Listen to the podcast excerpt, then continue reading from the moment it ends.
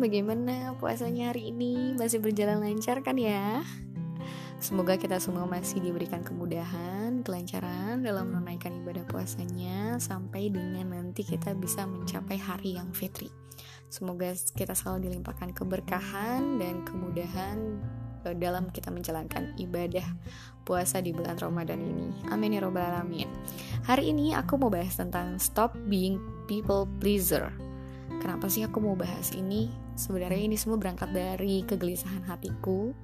Karena aku termasuk salah satu orang yang nggak enakan sama orang lain. Dan ternyata nggak enakan ini bahaya juga loh sebenarnya buat diri kita sendiri. Justru ini banyak sekali ruginya loh buat diri kita sendiri. Apa aja sih eh, bahayanya people pleaser? Terus juga apa aja yang sebenarnya perlu kita lakukan? Ciri-cirinya people pleaser. Hari ini kita mau bahas semuanya Aku mau kasih tahu, people pleaser adalah sebutan bagi orang-orang yang selalu berusaha menyenangkan orang-orang di sekitarnya dan selalu memiliki kecenderungan untuk melakukan apa pun agar orang di sekitarnya itu gak ngerasain kecewa terhadap dirinya. Jadi kita tuh sering banget uh, mementingkan orang-orang lain di atas kepentingan diri kita sendiri. Nah, kalau kalian ada yang kayak gitu, bisa jadi kalian termasuk salah satu orang yang people pleaser. Jadi orang yang selalu enggak enakan. People pleaser biasanya akan sulit untuk berkata tidak jika dimintain tolong sama orang lain, bahkan hal itu tanpa disadari justru merugikan dirinya sendiri. Apa aja sih yang menjadi ciri-ciri people pleaser? Di sini aku punya 10 poin dari ciri-ciri people pleaser kira-kira kira-kira kalian ada gak yang termasuk di antaranya? Eh, aku akan bahas satu-satu ya. Yang pertama, sering berpura-pura setuju dengan semua orang meskipun sebenarnya kamu punya pendapat sendiri.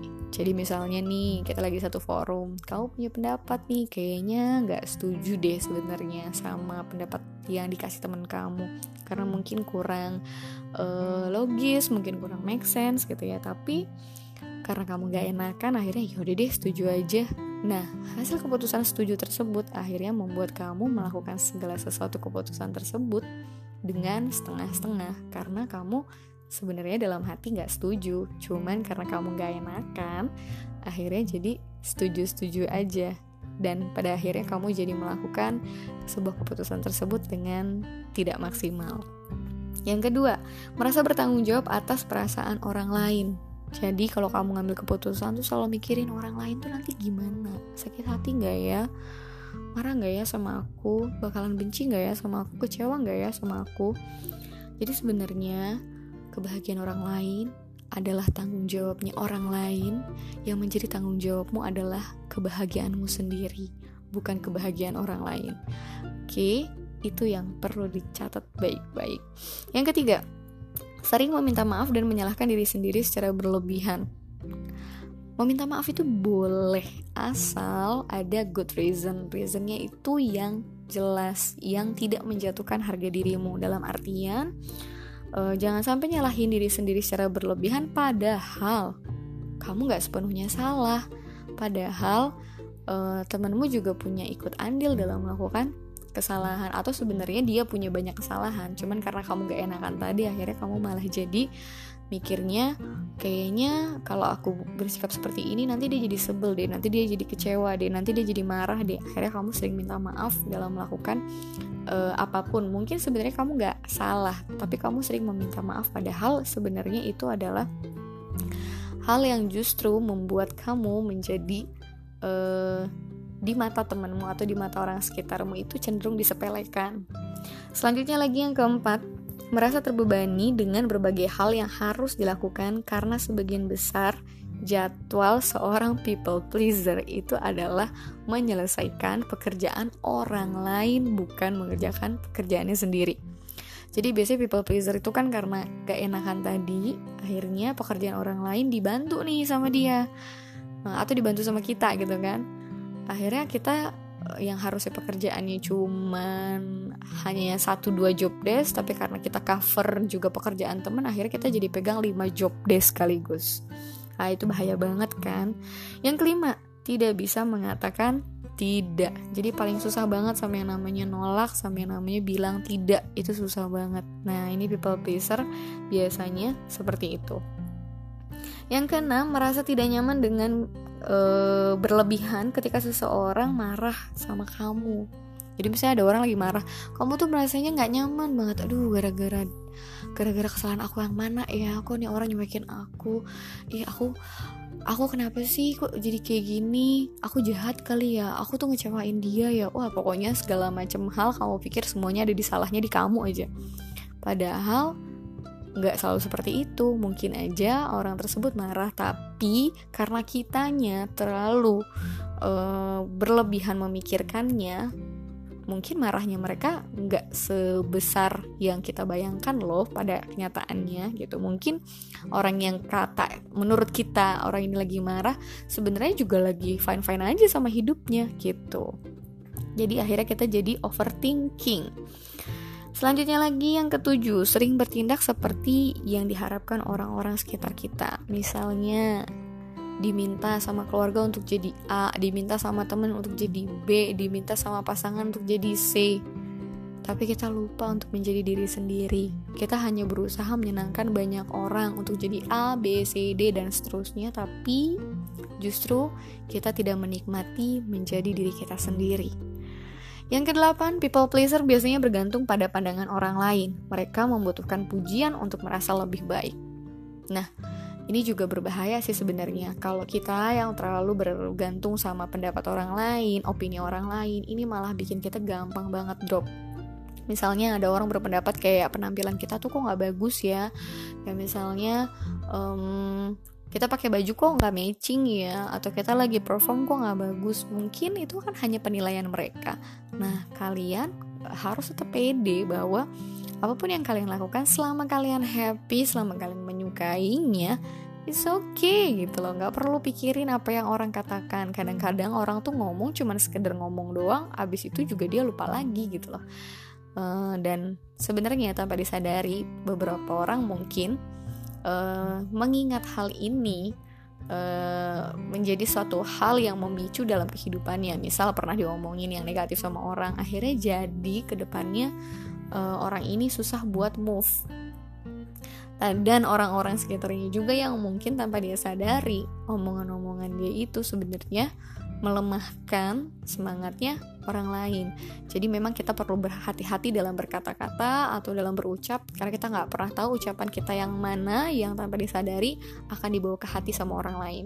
Yang kesembilan, menghindari konflik dan berusaha membela mati-matian berbagai hal yang diyakini orang lain karena kamu gak mau ribet sama konflik karena kamu gak mau dirumitin sama masalah-masalah akhirnya ya udah kamu yain aja apa kata orang. Bahkan kadang-kadang karena kamu ngerasa orang ini adalah berarti banget buat kamu kamu tuh ngebagus-bagusin dia di mata orang lain.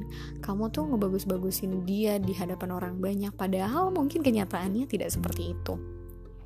Misal buat kalian-kalian yang sering dapat uh, perlakuan yang tidak baik dari orang-orang sekitar kalian tapi karena kalian termasuk people pleaser akhirnya kalian merasa Enggak kok, dia nggak kenapa-napa, dia cuman kayak gitunya kadang-kadang doang kok, dia nggak gitu terus kok.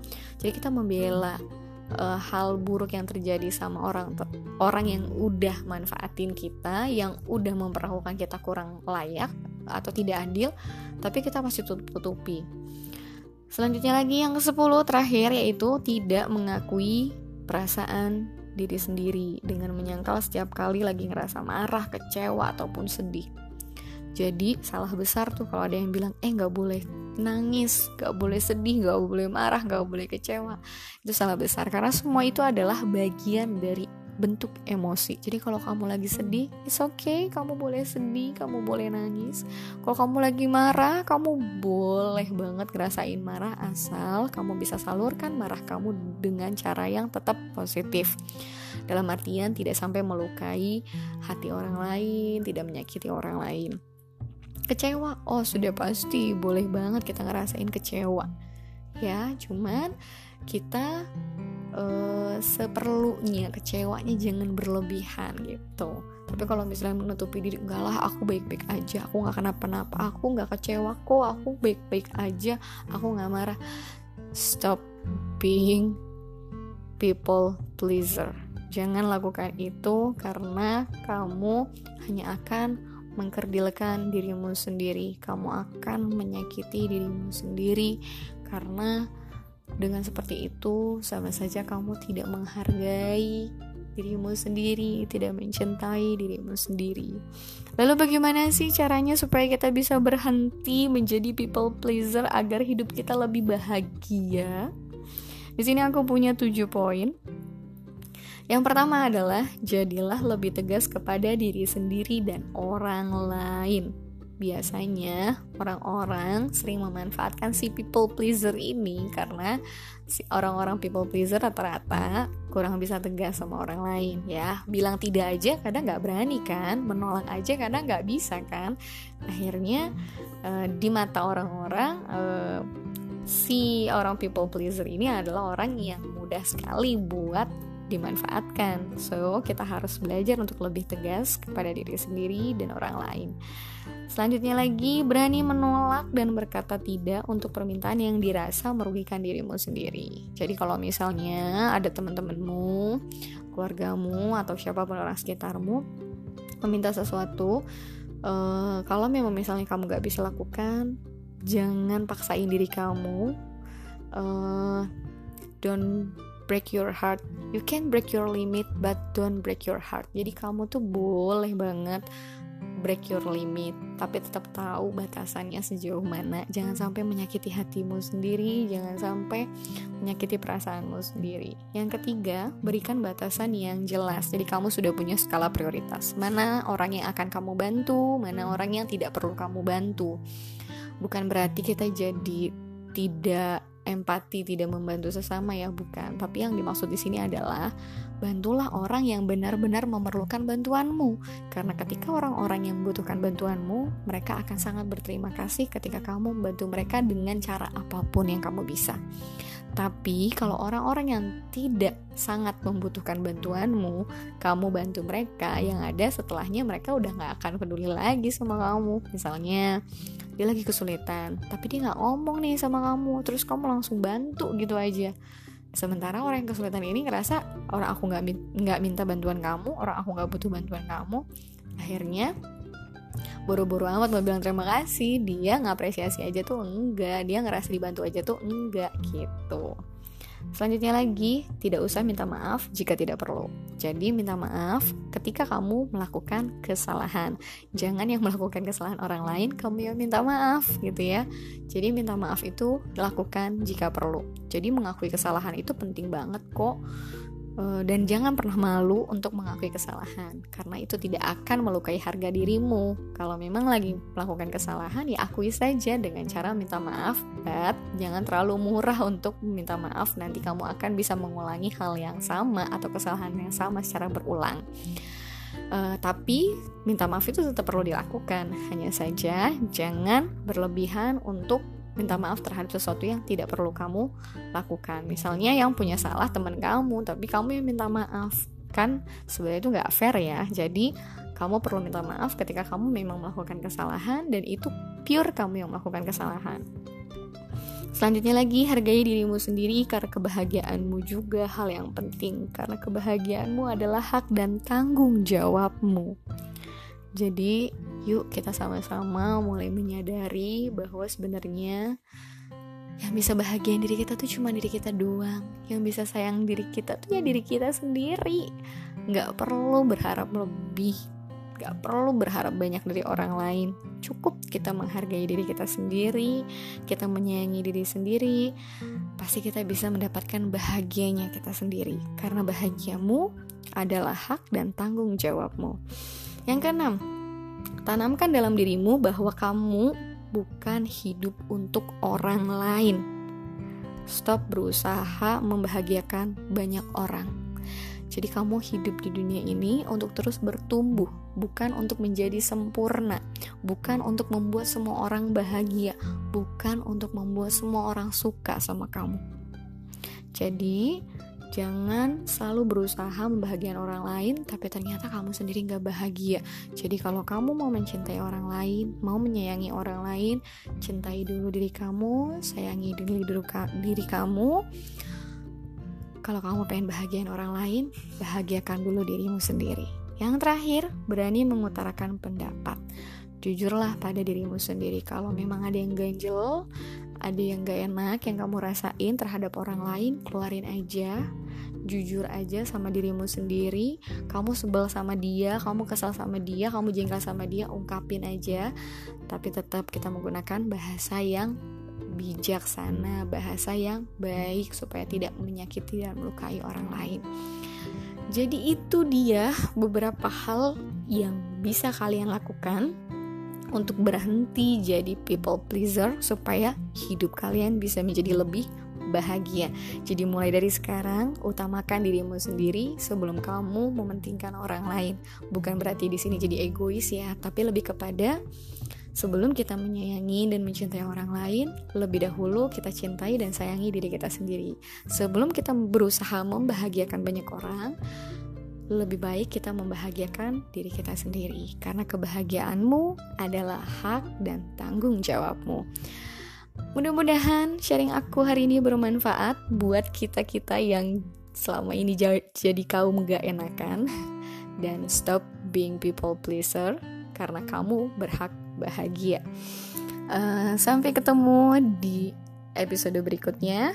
Uh, terima kasih banyak untuk yang sudah mendengarkan sampai dengan episode hari ini. Mudah-mudahan cerita aku bermanfaat. Mohon maaf kalau ada kesalahan dalam pengucapan, dalam penyampaian. Uh, aku ucapkan maaf yang sebesar-besarnya. Terima kasih banyak, semoga bermanfaat. Sampai ketemu lagi. See you.